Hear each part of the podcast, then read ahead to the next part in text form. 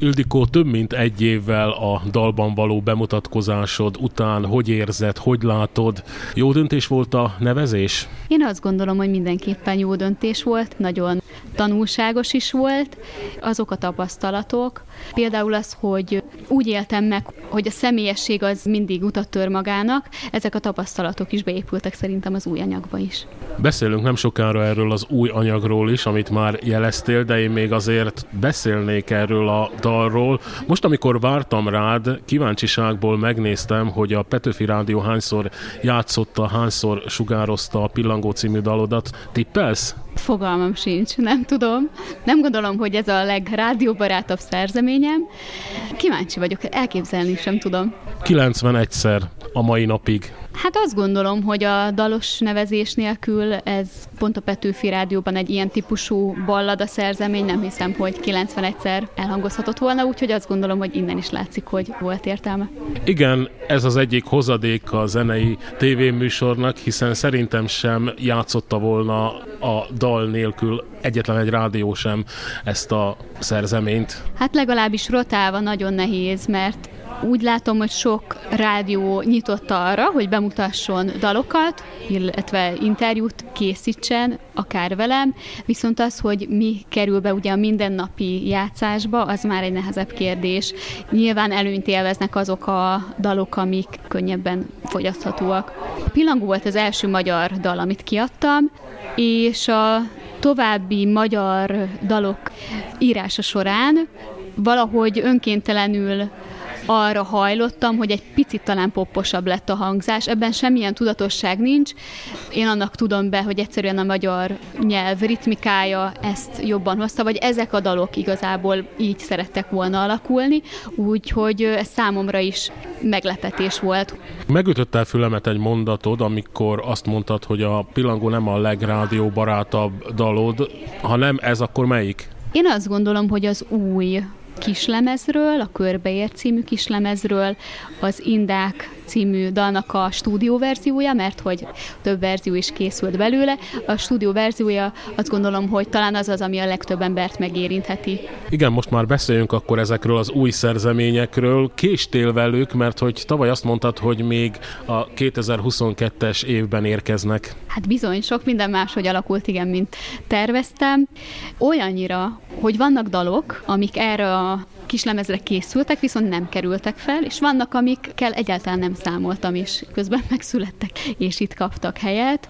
Ezt ugye mindig azért nehéz kiszámítani, hogy akár az alkotói folyamat mennyire húzódik el, vagy mennyire pont nem húzódik el. Másrészt viszont természetesen az is meghatározza, hogy éppen milyen az anyagi háttér, illetve hogy milyen lehetőség van a bemutatásra. Ugye hamarosan a Magyar Zeneházában mutatjuk majd be ezt a kislemezt, március 30-án, és például az is egy ok volt arra, hogy kivárjam az idén tavaszt, hogy tudtam, hogy most lesz lehetőségünk ott bemutatkozni. Magyarán több dalt írtál az elmúlt hónapokban. Igen, igen, vannak, amik még talomban vannak, úgymond. És miért ez a négy került fel a kislemezre? Az Indák volt az első, ami úgy volt készen, hogy éreztem, hogy neki majd helye lesz ezen a, az EP-n. Organikusan valahogy úgy alakult, hogy témában nagyon közel álltak a dalok egymáshoz, és pont az Indák, a kezeim között és a körbeért, tehát az a három új dal, ami felkerült a kislemezre, így egy évbe tudnám helyezni, mert hogy mindegyik szól a veszteségekről, a veszteségek feldolgozásáról, és ezt leginkább a Körbeért című dal, tehát a címadódal fejezi ki az élet körforgásáról, és ezáltal így az élet szeretetről, meg ugyanannyira az elmúlásról, mint az életről, mint láncszemek vagy gyöngyszemek egy zsinóron úgy egymás mellé helyezhetőek. A pillangóról is ezt gondoltam, hogy nagyon jól kapcsolódik ehhez az anyaghoz. Érdekesség, hogy volt olyan dal, amit fel is vettünk a stúdióban, idén januárban rögzítettük ezeket a dalokat, viszont már a stúdiózás után mondtam azt, hogy annyira kilóg, hogy nem szeretném ezt, a, ezt az ívet megbontani vele. Ez a három új szerzemény, ez nagyjából egy időben készült? Ezek, amelyek fölkerültek a CD-re, vagy fölkerülnek majd a CD-re? Az indák és a kezeim között az tavaly nyár végén, illetve a másik ősszel. A körbeér az egy érdekes kis kincs számomra, hogy így fogalmazzak, mert hogy ez az a dal, amivel egyáltalán nem számoltam. Januárban egy hétfői napon vonultunk stúdióba, és ezelőtt csütörtökön, tehát egy pár nappal előtte, ahogy véglegesítettem a többi dalt, így a semmiből, mert hogy tudni kell azt, hogy a dalszerzés is olyan, hogy van, amikor persze így elkapja az ihlet, az embert, de van, amikor egyszerűen határidő diktálja azt, hogy valaminek történnie kell, és hogy szerencsére azért már van ebbe egy magabiztosságom, hogyha leülök, akkor valami történni fog, tehát hogy érdemes ebbe így belehelyezkedni. Na és a körbeír volt az, ami a csak így a semmiből megütött, egy erős hangulat, és szinte csak így kigurult. Tehát, hogy talán soha ennyire könnyű dolgom nem volt dallal, és azon a hétvégén még volt egy utolsó próbánk, és még pénteken, ugye a hétfői lemezfelvételre írtam a fiúknak, hogy igen, egy másik dalt szeretnék kicserélni, és hogy ennek ott kell lenni, hogy tudom, hogy nagyon friss, de ennek ott kell lenni, mert ez az utolsó láncem ebben a történetben. És tényleg ez hozta meg azt gondolom a kerekségét, meg pont a, ezt a körforgást, meg az életszeretetet. Van benne egy nagyon szép mondat, és ezt puskázom, mert még nem rögzült, az erdő lombhajában ülő seregé. Azon gondolkodtam, hogy ez vajon könnyebben jött vagy nehezebben, mint a kékbe merülés is. Itt talán el kellene mondanunk azt a történetet, amit tavaly megosztottál velünk. Igen, nevezetesen, hogy a Pillangó című dalnál, és különben ez azt hiszem, hogy általános mintázat, és ezt mondhatom akár az indákra, akár a kezeim közöttre is, hogy elkezdeni nem nehéz, utána dolgozik rajta az ember, eltelik több-kevesebb idő, és van utána egy-két sor, vagy egy-két szó, vagy egy-két harmónia, ami annyira nehezen adja magát, és tényleg már elkezd akár ilyen görcsössé válni a folyamat, hogy akkor ott mi legyen, és a pillangónál pont ez a kékbe merülés volt az, hogy na például azt is a határidő hozta meg, hogy jó, fel kell énekelni holnap, oda most akkor meg kell a megfelelő panelt találni, és hiába volt egy csomó verzió, az volt az, amin éreztem, hogy jó, akkor tényleg ez az, amire vártam itt, és a körbeér, az tényleg egy ilyen Egyébként is úgy gondolok erre az egész zenélésre, pláne a szerzésre, meg szövegírásra, mint egy ilyen csatornája vagyok valaminek, ami így átfolyik rajtam, és szerencsés vagyok, hogy ezt ilyen kapom, hogy levethetem a papírra, és hát ez itt hatványozottan jelen volt, hogy úgy érzem, hogy kaptam egy képet, és én csak így lejegyeztem. Erősítsd meg, ugye te vagy továbbra is a zeneszerző, a szövegíró, és talán a hangszerelő is? Igen, zeneszerzője és szövegírója mindenképpen, tehát minden zenét és szöveget én jegyzek. A stúdió verziókban, a hangszerelésben már közösen ötletelünk, tehát természetesen, hogyha a dobosnak van egy dob specifikus ötlete, akkor annak csak örülök, mert lehet, hogy olyan jut eszébe, ami nekem nem, de hogy ezek hangszerelési kérdések, igen. Közösen hangszereled a zenekaroddal, ugye, amelyről szintén beszéltünk tavaly, továbbra is azok a tagok, akiket tavaly említettél? Igen, továbbra is Gyémánt Bálint, Bartók Vinc és Szabó Dániel Ferenc, olyannyira, hogy már a 2018-as bemutatkozó albumomat, ami még angol nyelven született meg, már azt is velük rögzítettem, tehát szerencsére nem kellett még ezen a csapaton változtatni. Ez egészen pontosan leírva úgy működik, hogy én addig dolgozok egy dalon, amíg azt nem érzem, hogy tényleg kész van, azt akkor feljátszom, ének zongora kísérettel, esetleg elektronikus effektekkel, és átküldöm nekik. Jobb esetben már ott kottát is kapnak, nem csak hanganyagot. Abból már egy elég pontos kép rajzolódik ki, hogy ezt hogyan játsszuk el a próbán, viszont persze ott azért finom hangolunk együtt, meg ötletelünk, meg véleményezünk, mert tényleg ez így még kerekebbé teheti. Szerintem, hogyha valakinek még egy hangszín, vagy valami különlegesség eszébe jut, azt beépítjük. Elég sok mindent elárultál már az egyes dalokról, de azért én még rákérdeznék elsőként az Indánk címűre, mesélj róla. Azt általánosságban elmondhatom, hogy ezek a dalok nem könnyű témákat feszegetnek. Mondhatni, hogy számomra, mert hogy ezek tényleg személyes veszteségi élményeimből születtek, egyfajta terápia is volt Tehát mondjuk pont az indák vagy a kezeim között azok olyan dalok voltak, amik, tehát nem azon gondolkodtam, ez hogy fog kinézni egy lemezen, hanem azt éreztem, hogy szeretném ezeket a nehéz érzéseket letenni, meg átdolgozni, és szerencsére ez zene erre egy fantasztikus eszköz. Hát az indákat úgy tudom megfogalmazni, hogy számomra az a, a szeretet és a hiánydala, mert amennyire a veszteség maga megjelenik benne, ugyanúgy a, a szeretet, mint örök kötelék. Miközben azt is el kell mondjam, hogy azt gondolom, hogy teljesen természetes, hogy a hallgatók kíváncsiak arra, hogy egy-egy dal miről szól. Bizonyos mélységig nagyon szívesen is osztom meg, meg úgy gondolom, hogy hozzá is adhat a hallgató élményhez. Viszont vékony a jég szerintem a között, amikor ez valóban még a dalt szolgálja, vagy esetleg olyan témákat emelhetünk be jobban a diskurzusban, amik egyébként tabusítva vannak, meg az, amikor már, tehát egyszerűen elveszik a fókusz, mert amin a fókusz van, az jó esetben a dal, annál is inkább, mert az, hogy pontosan ezeket a dalokat mi ihlette, amikor valaki hallgatja ezek a dalokat, azt gondolom, hogy az majd, hogy nem másodlagos, vagy mellékes, mert hogy én azt szeretném, hogy mindenki a saját maga történetét hallja meg a sorok között, mert hogy pont a hiány, az elvesztés, bármilyen veszteség, és nem feltétlenül halálesetre gondolok, ez mindenki életében jelen van. Most, hogy ezt így kibontottad, a gyógypedagógus beszélt belőled? Képzeld el, hogy az történt ráadásul, hogy szeptemberben egy, egy régi elmaradásomat kezdtem el bepótolni. Elkezdtem a Pécsi Tudományegyetemen a zeneterapeuta posztgraduális képzést és az is lehet, hogy egy picit más szemmel nézek ezekre a folyamatokra is, azért nyilván próbálom külön választani, de az mindenképpen igaz, hogy bár ugye itt szűken értelmezve nem zeneterápiáról van szó, viszont akár lehet ugye terápiás hatása egy zenehallgatásnak is, vagy pont a zeneírásnak. A második dal a Kezeim között című. Igen, hát talán erről a legnehezebb beszélnem, mert úgy érzem, mivel nagyon letisztultan próbáltam a zenéhez meg a szöveghez is nyúlni, ezért nagyon nehéz nekem általánosságból beszélni róla.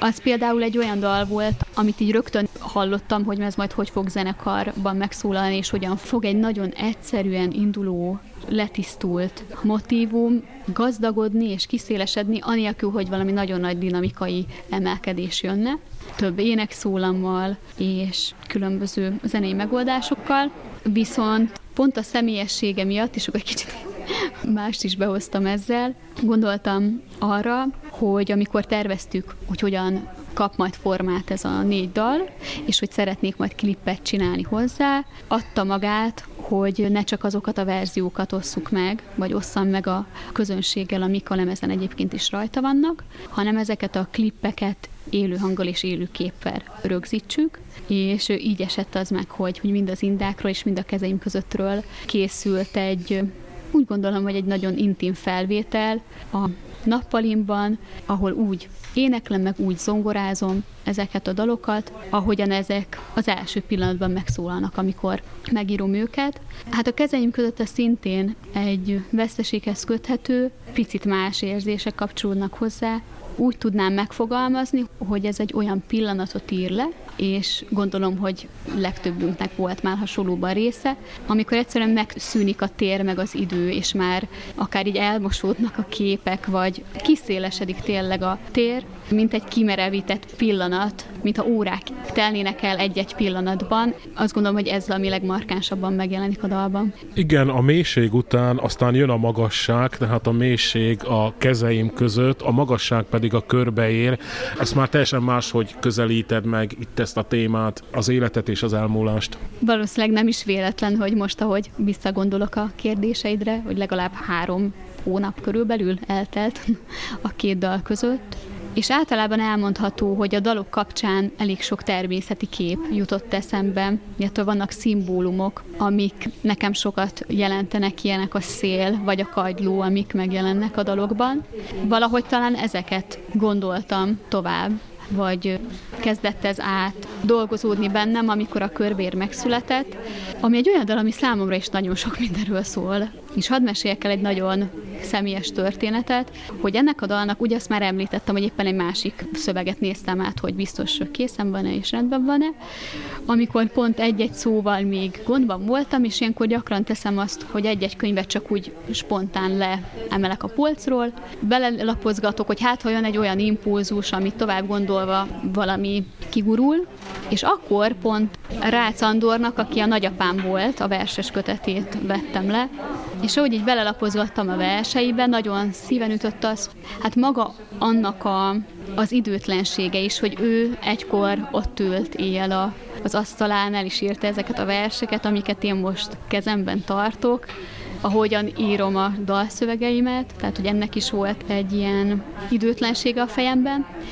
Másrészt az, hogy mennyire átsejlett sok-sok történet, amit ismerek az életéből, egy-egy mondaton keresztül. Tehát ez nem órákig olvastam, hanem ahogy ez így tényleg így meg, megcsapott. Másrészt az ő verses kötetét már a halála után jelent meg, és az én bátyám szerkesztette, Palágyi László. Tehát maga ez a végeláthatatlan családi kötelék, ugye sokat beszélünk erről is az elmúlt években a transgenerációs örökségről. Ez is nagyon megérintett, és hirtelen azt éreztem, hogy ez mennyire körülvesz mindenhol, mennyire körülvesz a természetben, és ahogyan nincsen élet halál nélkül, meg nyílás az elmúlás nélkül, valahogy ebben ihletődtem meg nagyon, hogy végül is ez a szöveg nagyon könnyen, és még aznap nagyon, hát sőt, szinte egy időben így a dal meg. Másnap már a harmónia menet is megszületett. De gondolom az élet hozta azt, hogy egy ilyen fiatal lány ezzel a témával kezdett behatóbban foglalkozni, és szükségét érezte annak, hogy dalban, zenében teljesedjen ki. Igen, így van. E kapcsán is van egy, egy olyan megélésem, amit szintén próbáltam a körbeérve bele csempészni, hogy ezek a dalok tulajdonképpen a veszteségeimnek az ajándékai, mint ahogyan, hogy azoknak a történeteknek, amiken keresztül mentem, anélkül, hogy nevesítenénk, vannak ajándékai, vagy vannak hozadékai, mint minden emberi kapcsolatnak. Van, amiért hálásak tudunk lenni, és nekem ez is nagyon benne van ebben a dalban. Veszteségeim, ajándékai, milyen szép cím lenne ez, hogyha ez a beszélgetés a sajtóban jelenne meg. Ezt most találtad ki? Részben igen, bár azt is kell mondjam, képzeld el, hogy van egy nagyon érdekes együttállás, mert eleve rengeteg zenész barátom van, és van rengeteg olyan, aki mondjuk nem szoros barátság, de tudunk egymás dolgairól, figyeljük egymást akár a különböző felületeken keresztül, néha írunk egymásnak, csetelgetünk, és volt egy nagyon érdekes együttállás, amikor a Jemese nevű zenekarnak a készülő albumát láttam, és láttam, hogy az Emese szintén a veszteségek témájával dolgozott, nyilván teljesen más aspektusból, meg más élmények, hiszen minden tényleg emberi történet más hatására. Azt hiszem, hogy ezt nála is olvastam már, ezt, hogy veszteségek ajándéka, ezek a dolgok, és tényleg én is ugyanezt tudom mondani. Amikor megkaptam tőled, pontosabban a menedzserettől az új kislemezt, a dalokat digitális formátumban, akkor láttam, hogy három vadonatúj szerzemény, és negyedikként oda tettétek, beillesztettétek a három mögé a pillangót. Bevallom, akkor picit furcsálottam ezt, hiszen a pillangót már mindenki ismeri. Aztán amikor meghallgattam ezt a három dalt, akkor szükségét éreztem annak, hogy a pillangót is halljam, mint hogyha olyan szép lezárása lenne ennek a kislemeznek a pillangó. Ti is így gondoltátok? Ezt én is úgy gondoltam, és képzeld el, annyi azért hozzátartozik az igazsághoz, hogy bár a felvétel az ugye a tavalyi felvétel, viszont újra lett masterelve, ugye ez a hangutó munkálatoknak az utolsó lépése, és ahhoz, hogy illeszkedjen hangképben a többi dalhoz, azért ezen alakítottunk Fenyvesi Mártonnal, aki a, a mastert csinálta. Tehát, hogy egy régi szerzemény, meg nem teljesen új felvétel, de azért egy pici finom hangolás ebbe is került. Másrészt megint egy történet pont a Marciról jut eszembe, hogy amikor átküldte a végleges mastert, ugye, hogy véglegesítsük, meg véleményezzem, én mindaddig biztos voltam benne, hogy a körbeér lesz az utolsó dal, mert talán most majd megfigyelhetik a hallgatók is, hogy, hogy ez nagyon tudatos döntés volt, hogy ott abban a pillanatban van vége, ami nem annyira evidens. Tehát, hogy pont ezt a végeláthatatlan folyamatot, vagy ezt a megszakadhatatlan folyamatos áramlást szerettem volna ezzel kifejezni.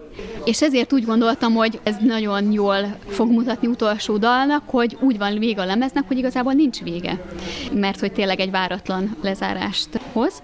És amikor a Marci átküldte a mastert, abban a sorrendben, hogy indák, kezeim között körbeérés pillangó, ahogy így meghallgattam, rögtön az jutott eszembe, hogy te jó ég, ez mennyire jó a pillangó, ami a legrégebbi dal közülük, negyedik dalnak, és valahogy pont itt is így körbeért ez az egész történet.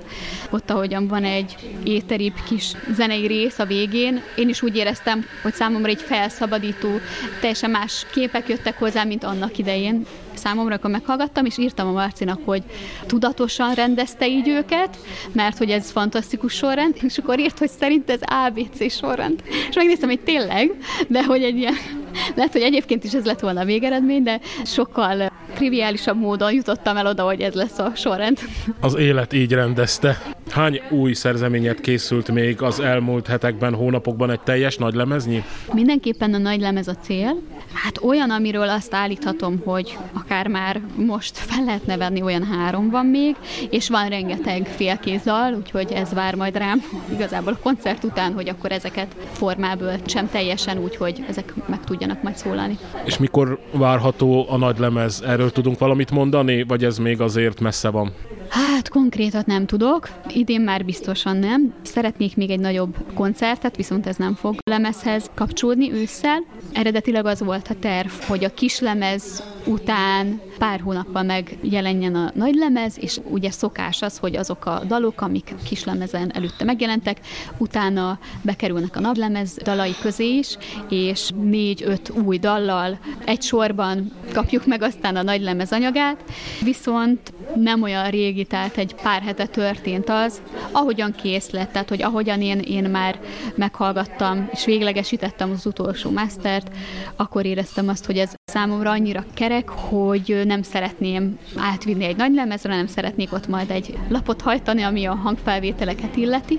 Eredetileg ebből a körbeér kislemezből nem is terveztem fizikai példányt, Ugye ez is egy érdekes kérdés, hogy mennyire van értelme manapság már a fizikai példányoknak. Végül is én arra jutottam, hogy bár limitált példányszámban, és elsősorban a koncertek után lehet majd hozzájutni, de lesz körbeér CD fizikai formátumban is, amiben a szövegeket is majd egymás mellett lehet olvasni, illetve ugye különböző képekkel így vizuálisan is próbáljuk erősíteni a zenei tartalmakat. Igen. Ez nem is kérdés lesz, amit most mondok, hanem megállapítás tény. Sokkal jobban ki tudsz teljesedni a magyar nyelvű dalokban, mint az angol nyelvűekben. Mélyebb tartalmúak a magyar nyelvű dalaid? Én is így látom. Azt kell, hogy mondjam, hogy az angol nyelvű dalszövegekben biztosan persze van egy olyan olvasata is a dolognak, hogy magyar anyanyelvűként soha nem fogok olyan mélységében fogalmazni angolul, mint magyarul. Másrészt az angol szövegek mögé egy picit el is lehet bújni, és ezzel nem azt akarom mondani, hogy aki angolul ír, vagy amikor én angolul írtam, akkor elbújtam mögé, de hogyha magyarul énekel az ember, akkor ugye minden egyes szavát értik. Én inkább így fogalmazok, hogy magamon azt érzem, hogy emiatt még inkább bele tudok ebbe a helyzetbe állni, hogy akár saját magammal szembe is ne legyenek elvárásaim, hogy ennek milyennek kellene lennie, hanem próbálok nagyon belehelyezkedni, és azt figyelni, hogy egy-egy szerzemény merre akar alakulni. Angol nyelven már nem is írsz? Most az elmúlt egy évben nem írtam semmit. Arról is beszéltünk, hogy én ezt egyértelműen pop anyagnak érzem, nem a legelterjedtebb mainstream pop, de pop zenének tartom maximálisan a mostani anyagot, viszont ezzel együtt még inkább elkezdett hiányozni a jazzzene, és biztos vagyok benne, hogy készítek is majd lemezt, viszont az nem biztos, hogy saját szerzemények albuma lesz, hanem jazz tenderek album, ez majd tényleg a jövő zenéje. Most én is azt érzem, hogy szerzőként új kapuk nyíltak előttem a magyar nyelvvel. Ildikó, ezeket az új dalaidat még a kiadás előtt megmutattad valakiknek, akiknek adsz a véleményére? Igen, Először még a szövegeket mutattam meg a bátyámnak, mert ő nyelvészként dolgozik, illetve ő is verseket, illetve regényeket is jegyez. Ő nekem egy olyan szűrő, akinek szívesen adok a véleményére. Tehát ő volt az, akinek először a szövegeket mutattam meg, utána, ahogy meglettek a stúdió felvételek, úgy már a zenéket is, és kíváncsian vártam, hogy rá milyen benyomással van, és rajta kívül, inkább a zenekaron belül. Nekem mindig az egy lépés, hát elsőként általában ugye a férjemnek, aki a zenekaromban is tag, Gyémánt Bálint, megosztjuk egymással azt, hogy ki mind dolgozik éppen, és akkor, amikor eljut egy olyan stádiumba, akkor megmutatom neki, és ő is a saját dolgait. Az egy ilyen első szűrő, hogy mit mondtunk egymásnak, és utána meg a zenekar tagjai. Másnak annyira nem, nem szoktam mutogatni. És amikor ezeket a dalokat megmutatod az első körben mondjuk a bátyádnak, akkor ezek a dalok már abba a kategóriába tartoznak, hogy szent és érthetetlen? Tehát ha azt mondaná a bátyád, hogy Ildikó, figyelj, ide nyúljunk bele, akkor elfogadnád a véleményét, vagy nem? Mm, szövegben mindenképpen, zenében is minden esetre elgondolkodnék rajta. Most már az elmúlt években még inkább próbálok a belső hangomra figyelni, mert úgy ugye nagyon szubjektív a, a zene is, mint műfaj, és egy idő után valakinek döntést kell hozni, akkor is, hogyha nincs mondjuk egyetértés. Például a zenekaron belül is van egy ilyen, hát ha tetszik, hierarchia, mert ugye ezek az én dalaim és az én produkcióm, hogy van olyan, hogy valaki mond valamit, és átbeszéljük, és akkor azt tudom mondani, hogy megértem, viszont nekem az mégis jobban tetszik. És ezek lehetnek például ilyen tempókérdések, gyorsabb, lassabb valami, szerkezeti dolgok, miből hány legyen, akár hangszínbeli dolgok. Azt gondolom, hogy nyitott vagyok, meg nagyon szívesen veszek bármilyen véleményt. Sokszor mondom azt is, hogy jogosnak érzem, és nekem is segítségemre van. Valamikor meg abban van segítségemre egy vélemény, hogy azt tudom mondani, hogy ennek ellenére én mégis a másik utat választom, és hogyha ennek ellenére is ez az érzésem, akkor most az lesz a jó út. Beszéljünk erről a lemezbemutató koncertről is, amit már említettél ott a beszélgetés elején. A zeneházában lesz. Azt mondják, hogy ez egy remek, tökéletes helyszín. Bizony a Magyar Zeneházában lesz, és elképesztő öröm számomra, hogy ott hangozhatnak el először ezek a dalok élőben. Ráadásul most ugye talán elárulhatom, hogy három héttel a koncert előtt vagyunk, amikor ezt felvesszük, és, és szerencsére már az összes jegy elkelt, ami egy fontos visszaigazolás számomra.